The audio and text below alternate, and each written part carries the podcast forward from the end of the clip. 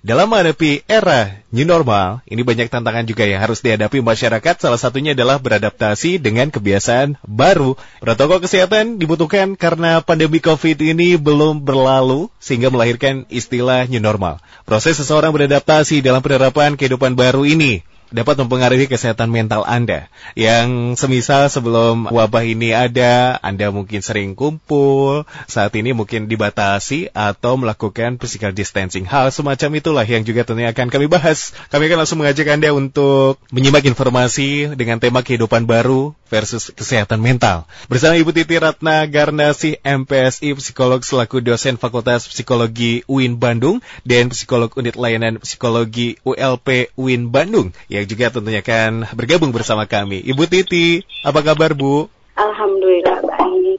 Baik ya Bu ya. Ini lagi di mana Bu? Lagi di rumah WFH. Masih ya berkegiatan di rumah tapi sama padatnya nampaknya Ibu Titi ya, tidak mengurangi takaran untuk bertugas atau bekerja begitu ya. Iya, begitu. Terima kasih ya Bu sudah menyempatkan waktunya untuk bergabung bersama kami pada kesempatan hari ini untuk memberikan informasi kepada pendengar mengenai kehidupan baru dan juga kesehatan mental. Ini ada hubungannya, Ibu Titi? Iya. Bagaimana sebetulnya untuk tanggapannya Ibu sendiri dalam hal ini yang tentunya misal begitu di masa PSBB tidak akan dilanjutkan dan masuk ke tatanan kehidupan baru ataupun new normal mengenai kehidupan baru yang akan dilaksanakan dan kesehatan mental sendiri dari warga masyarakat. Ibu Titi. Oke, tanggapan saya ya mengenai masa untuk ke new normal.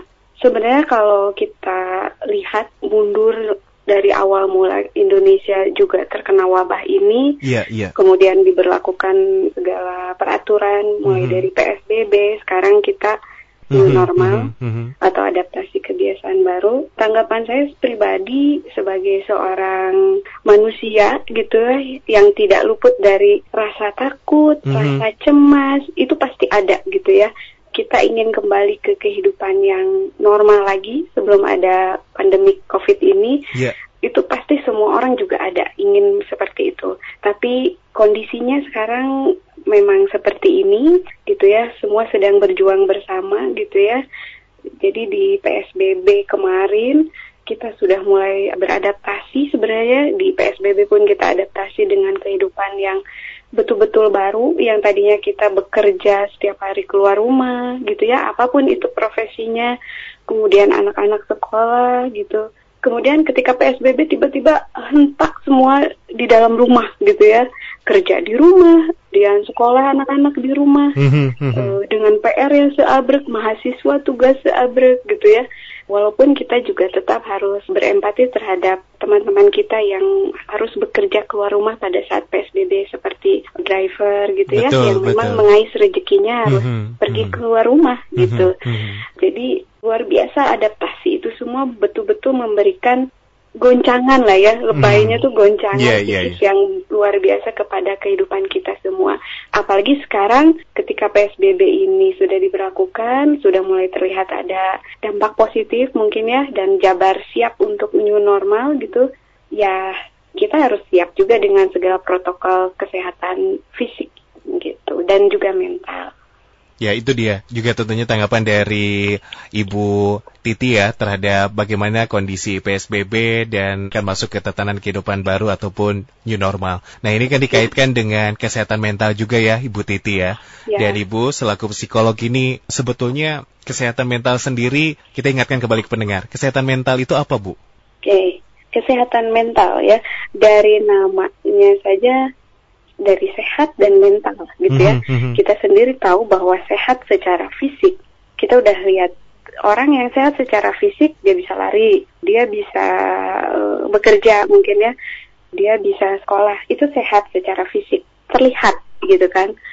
Nah, kalau sehat secara mental ini yang kadang terlihat orang seperti yang sehat, dia bekerja, dia sekolah, dia mengajar, dia apa pun melakukan kegiatan. Yeah. Namun ternyata secara mental atau secara psikologis dia mengalami semacam fungsi-fungsi yang mengalami bukan penurunan tapi ada tekanan gitu ya. Nah, sehat mental di sini artinya kondisi dari individu atau orang mm -hmm. yang di dalamnya itu orang yang mampu atau yang sehat secara mental dia mampu mengelola stres di kehidupannya secara wajar gitu ya. Jadi tadi yang saya bilang saya juga sebagai manusia tidak luput dari kaget, shock dengan keadaan ini. Tapi kalau saya ingin disebut sebagai kriteria orang yang sehat mental, maka saya harus bisa mengelola stres itu semua gitu ya. Kemudian orang yang sehat mental adalah orang yang bisa bekerja secara produktif gitu. Dan dia harus bisa berperan serta di dalam lingkungannya gitu ya. Bekerja di sini bukan berarti bekerja menghasilkan uang ya, tetapi bekerja di sini dia menjalankan fungsi-fungsi kehidupan. Jadi orang kalau mulai dari bangun tidur, kemudian dia berpikir hari ini makan apa ya, mulai dari situ aja. Berarti kan secara pola berpikir dia maju ya ke depan ya. Yeah. Coba kalau orang yang nggak sehat mental, dia mengalami tekanan psikis, dia kan mengalami salah satunya mungkin gangguan makan. Pasti tidak ada pikiran untuk habis ini makan apa atau pakai baju apa mm -hmm, gitu ya. Mm -hmm. Misalkan walaupun kerjanya cuma di rumah, cuma lewat HP gitu ya, tapi walaupun via Zoom, ah pengen pakai make up misalnya untuk perempuan, itu kan berpikir yang sehat gitu. Jadi sehat mental itu sifatnya itu individu, pribadi. Jadi dia yang bisa mengelola stresnya sendiri dan dia yang bisa memilih apakah saya akan tetap sehat mental atau tidak. Dengan cara apa? Dengan cara berpikir dan bertindak secara rasional gitu. Baik, itu dia mengenai kurang lebih penjelasan kesehatan mental ya Ibu Titi ya. Iya. Nah ini kalau dari sisi lain yang dihubungkan antara kehidupan baru nanti dengan kesehatan mental masyarakat sendiri ini bagaimana secara gambarannya Bu? Maksudnya apakah memang ada impactnya sendiri bahwa mm-hmm. ini kesehatan mental di sini tuh dalam artian apa Bu Titi? Mm-hmm. Oke, okay. jadi kalau kita sekarang menjalani kehidupan baru ini gitu ya, mm-hmm, adaptasi mm-hmm. kebiasaan baru new normal ini yeah. pasti sangat ada hubungannya dengan kesehatan mental tadi ya.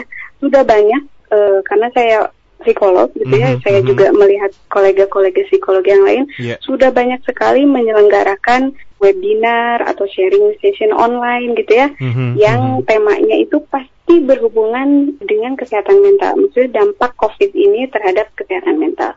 Jadi kalau ditanya apakah pasti ada hubungannya nggak nih COVID ini gitu ya?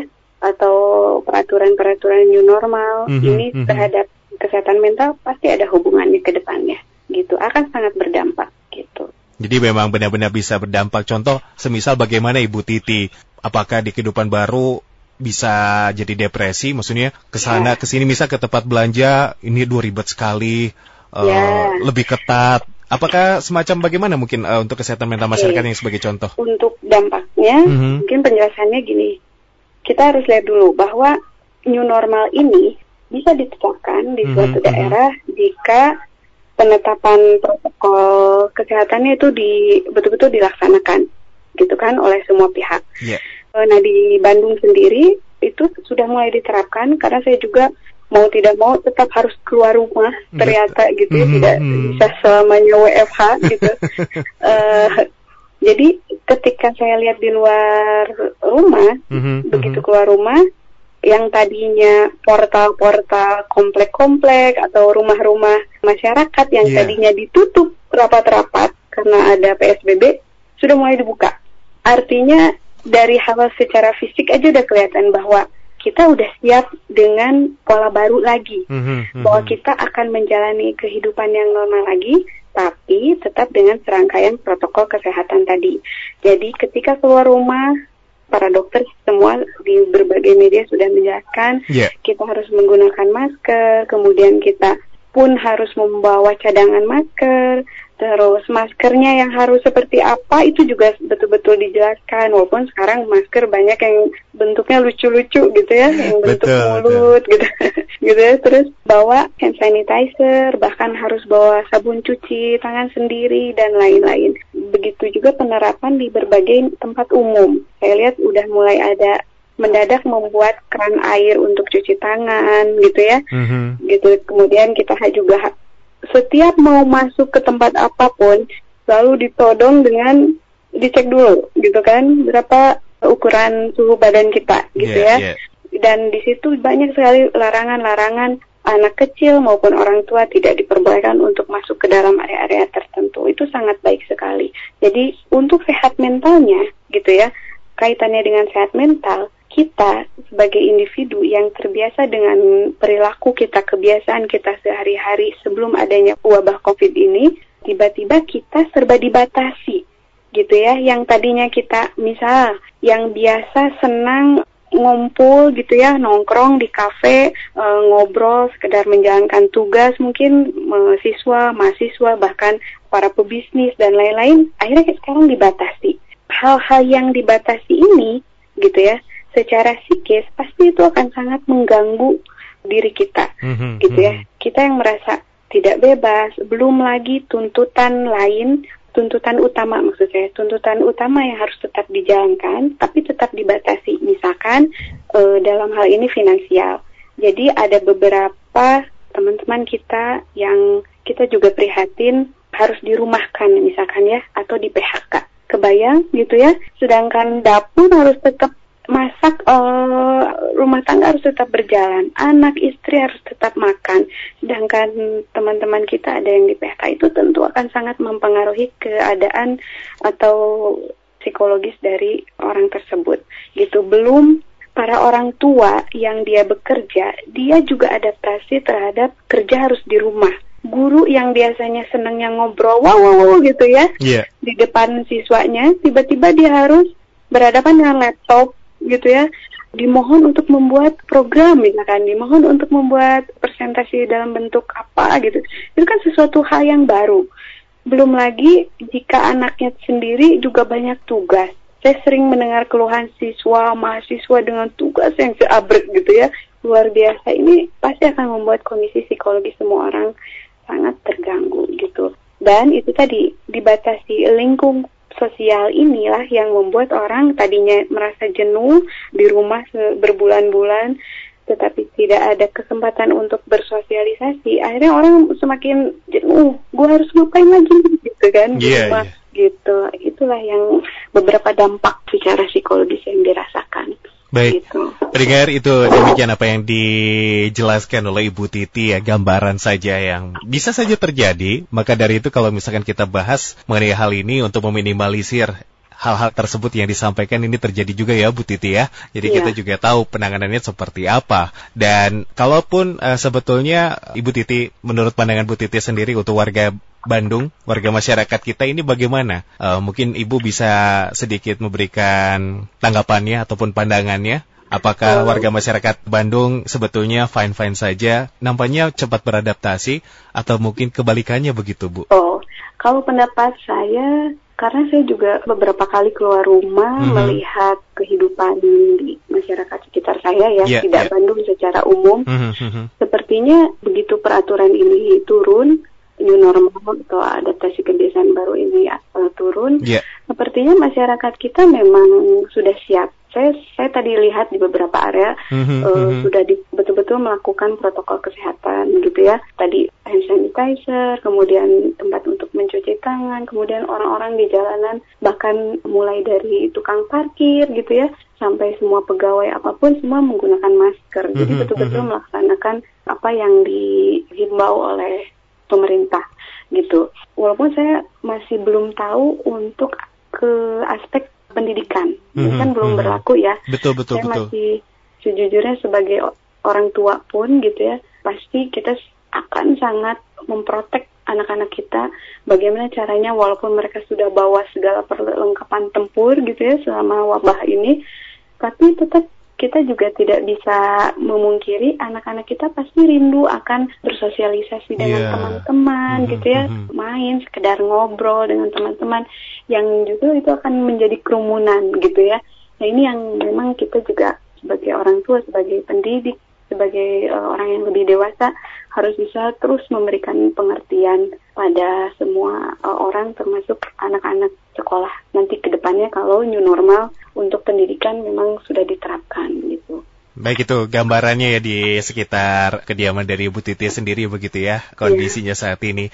Lalu Bu Titi, cara seperti apa untuk menjaga kesehatan mental ini tetap terjaga? Ya intinya tetap sehat begitu ya, tidak ada sedikit pun masalah yang mungkin bisa saja terjadi apalagi di ya katakan lingkungan kecil seperti rumah tangga begitu ya, ya Ibu.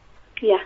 Oke, untuk mengatasi dampak dari COVID ini, mm -hmm. uh, pasti kan tadi ya stres, orang menjadi cemas akan berita-berita yang terus gitu ya. Mau itu medianya TV atau misalkan di HP itu kan orang sekarang udah banyak ya lihat Instagram atau lewat YouTube, Google apa pun itu berita semua tentang dampak dari COVID yang pasti kematian gitu ya mm-hmm. uh, kematian yang semakin tinggi angkanya dan lain-lain. Nah dengan berita-berita seperti itu gitu ya tentu kita secara psikis kita terus disuguhi dengan berita yang seperti itu kita juga pasti akan merasa cemas gitu ya. Nah untuk bisa mengatasinya supaya kita tetap sehat mental tetap dapat mengelola emosi atau stres yang ada gitu ya sebenarnya sangat simpel yang paling penting adalah kita mau dulu. Kita mau sehat mental tidak? Gitu ya. Kalau kita mau sehat mental, artinya lakukan dengan hal yang sesimpel mungkin. Mm-hmm. Ya, mhm. misalkan karena kita sekarang masih pada di rumah, kita harus melakukan aktivitas fisik. Gitu ya. Yang biasanya melakukan aktivitas fisik seperti orang-orang yang memang rutin berolahraga gitu ya. Misalkan yang biasanya dia nge-gym gitu ya, tiba-tiba sekarang dibatasi karena PSBB sebelumnya. Mm-hmm, mungkin bisa cari cara lain untuk melakukan kegiatan yang tetap sifatnya seperti dia melakukan gym atau yang biasanya lari gitu ya para runner gitu ya biasanya dia di lapang sekarang karena dibatasi karena olahraga yeah. dia masih bisa melakukan di rumah di lingkungan rumahnya gitu kan Kemudian ada juga yang misalkan itu kalau yang memang senang olahraga. Jadi jangan sampai ketika wabah COVID ini muncul, yang senang olahraga akhirnya jadi nggak olahraga sama sekali. Ya akhirnya dia jadi fisiknya juga sakit mm-hmm, gitu kan. Mm-hmm. Nah apalagi yang kaum rebahan gitu ya. Jadi begitu wabah COVID ini disuruh di rumah aja gitu ya, stay at home, kaum rebahan kan ngerasa welcome gitu ya, mm-hmm, to my mm-hmm. jungle gitu, di jungle gitu. Ya bukan berarti begitu, tetap semua orang harus melakukan aktivitas fisik karena aktivitas fisik yang dilakukan secara rutin itu akan memberikan fungsi-fungsi psikis juga akan berlangsung dengan baik. Hormon-hormon itu akan memberikan reaksi-reaksi yang akan memberikan juga reaksi mulai dari bahagia, senang. Kalau udah olahraga kan rasanya plong, mm-hmm. pikiran tuh kayak terbuka gitu ya, yeah, yeah. gitu selain keringat dan lain-lain itu fisik, tapi ke psikis juga pasti akan berpengaruh. Kalau misalkan para ibu atau bapak-bapak gitu ya yang biasa di kantor, aktivitas fisik bisa dilakukan misalkan dengan membereskan rumah gitu ya yang tadinya selalu tertunda, akhirnya oh membereskan rumah, halaman dan lain-lain itu kan aktivitas fisik gitu ya dan anjuran sebelumnya juga selalu diberlakukan kita harus apa berjemur ya berjemur di bawah sinar matahari itu juga termasuk aktivitas fisik. Kemudian hal lainnya kita juga harus bisa mengontrol dan mengonsumsi makanan yang bergizi ya. Jadi setelah kita rajin tetap beraktivitas fisik olahraga dan lain-lain makanan bergizi itu penting. Justru menurut saya yang biasanya kita sekolah atau bekerja kita biasanya jajan gitu ya. Di luar banyak kuliner yang enak-enak yang tapi membahayakan mungkin ya untuk kesehatan kita. Justru saatnya kita di rumah kita betul-betul bisa menjaga asupan gizi kita tuh yang seperti apa. Jadi kita orang tua kita atau istri para istri gitu ya mulai memasak yang betul-betul sesuai dengan asupan gizinya gitu. Terus supaya sehat mental kita juga harus bisa menghindari kebiasaan-kebiasaan buruk. Jadi yang biasanya kita begadang gitu ya, mm-hmm. misalkan para workaholic yang begadang, memang dia bekerjanya di rumah, biasa di rumah, kenapa tidak dicoba untuk uh, toh kita tetap di rumah, jadi kerjalah di jam yang memang seharusnya, istirahatlah di jam yang memang harus seharusnya gitu ya. Kemudian ada juga yang misalkan kita bisa melakukan kesehatan mental itu karena kita ada di rumah, kita coba melakukan rutinitas kita sehari-hari gitu ya, yang bisa menambah emosi-emosi positif.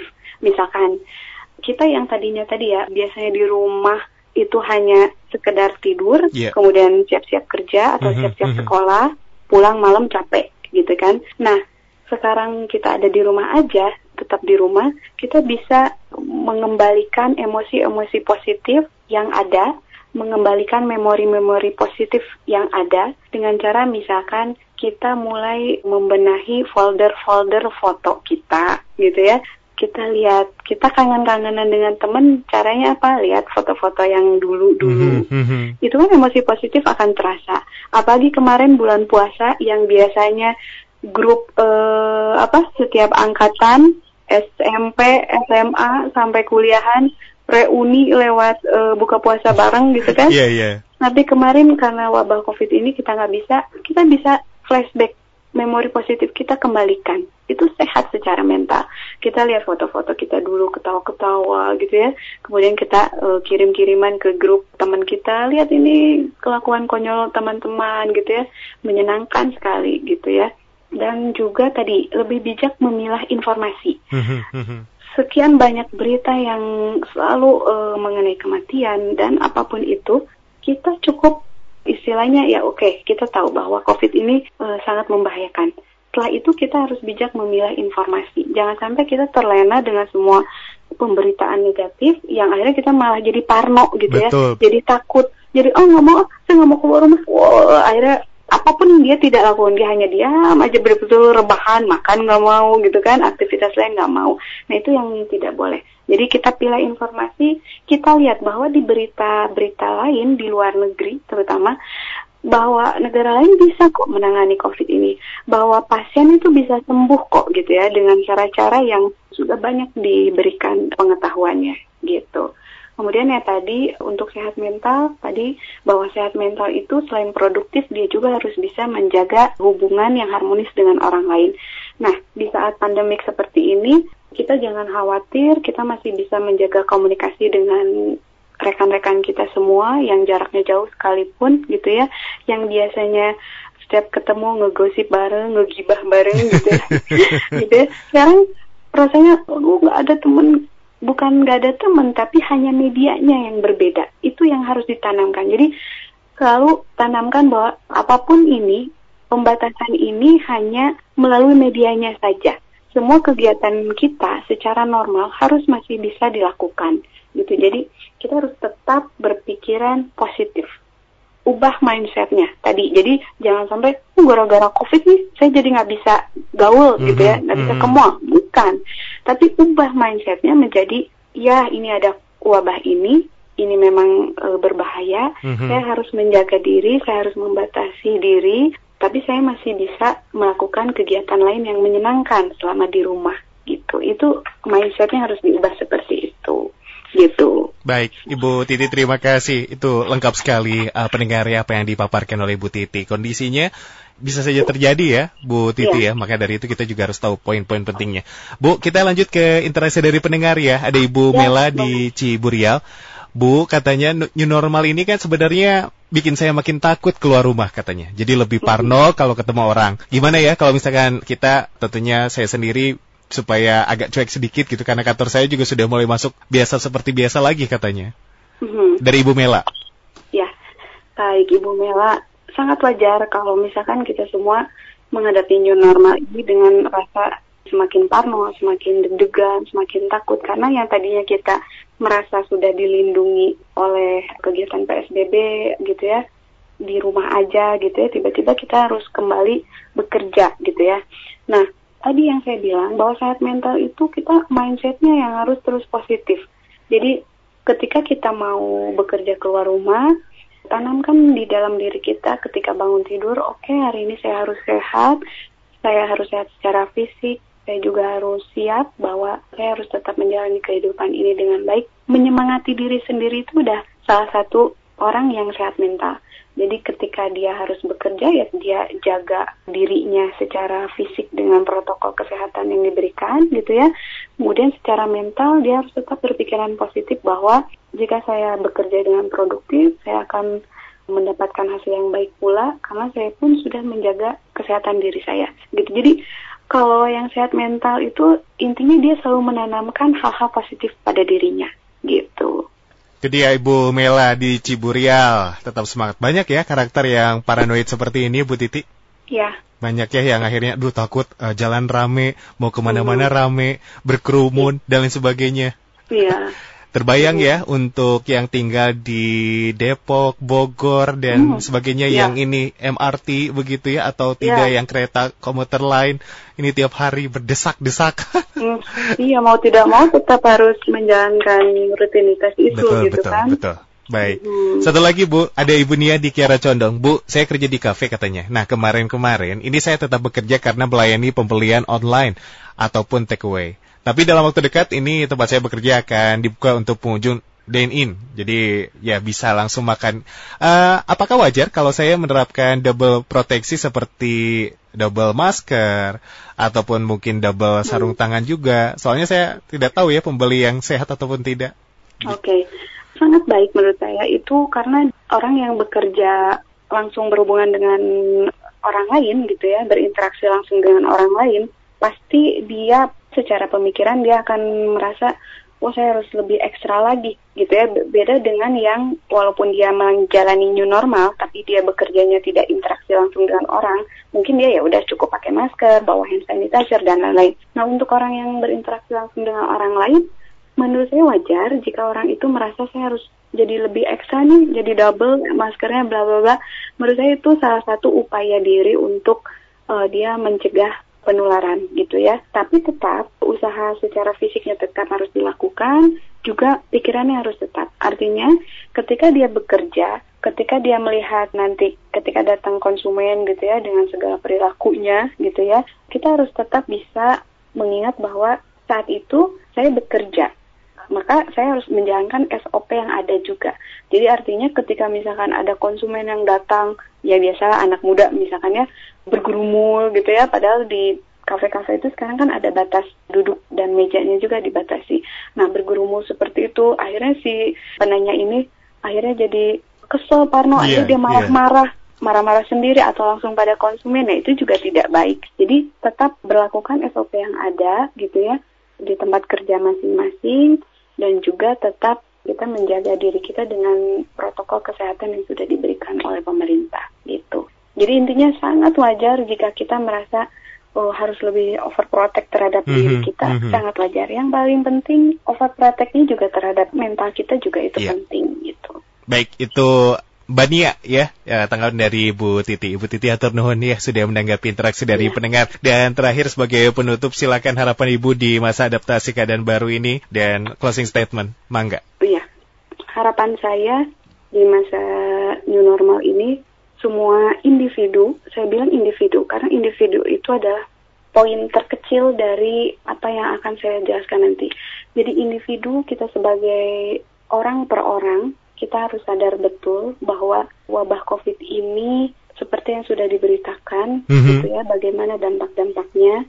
Kita harus percaya akan hal itu, percaya akan hal itu, sehingga kita mau mau ya, saya garis bawahi, mau berusaha untuk menjalankan semua protokol kesehatan yang sudah diberikan pemerintah. Itu aja dulu, individu kebayang kalau dari satu individu mau melakukan protokol kesehatan itu mm-hmm, dan mm-hmm. dengan mindset atau pikiran yang betul-betul positif bahwa oke okay, saya sehat, saya tetap harus bekerja, ini semua untuk kesejahteraan diri saya sendiri, untuk anak istri saya, untuk orang tua saya, gitu ya, untuk kerabat saya, maka saya harus tetap berpikiran positif bahwa wabah ini akan selesai jika semua mau semua orang mau disiplin gitu. Jadi harapan saya begitu, setiap individu menerapkan semua itu gitu. Itu saja Bu Titi. Mm-hmm. Baik, terima kasih sekali untuk kesempatan hari ini telah bergabung bersama kami. Apa yang disampaikan oleh Ibu mudah-mudahan insya Allah ini bermanfaat untuk kita semua ya Bu ya. Ibu, mm. selamat beraktivitas, selalu jaga kesehatan. Salam kepada keluarga di rumah Bu. Demikianlah bersama Ibu Titi Ratna Garnasi, MPSI Psikolog selaku dosen Fakultas Psikologi UIN Bandung dan Psikolog Unit Layanan Psikologi ULP UIN Bandung yang telah bergabung berikan informasi kepada Anda mengenai kehidupan baru dan kesehatan mental Anda.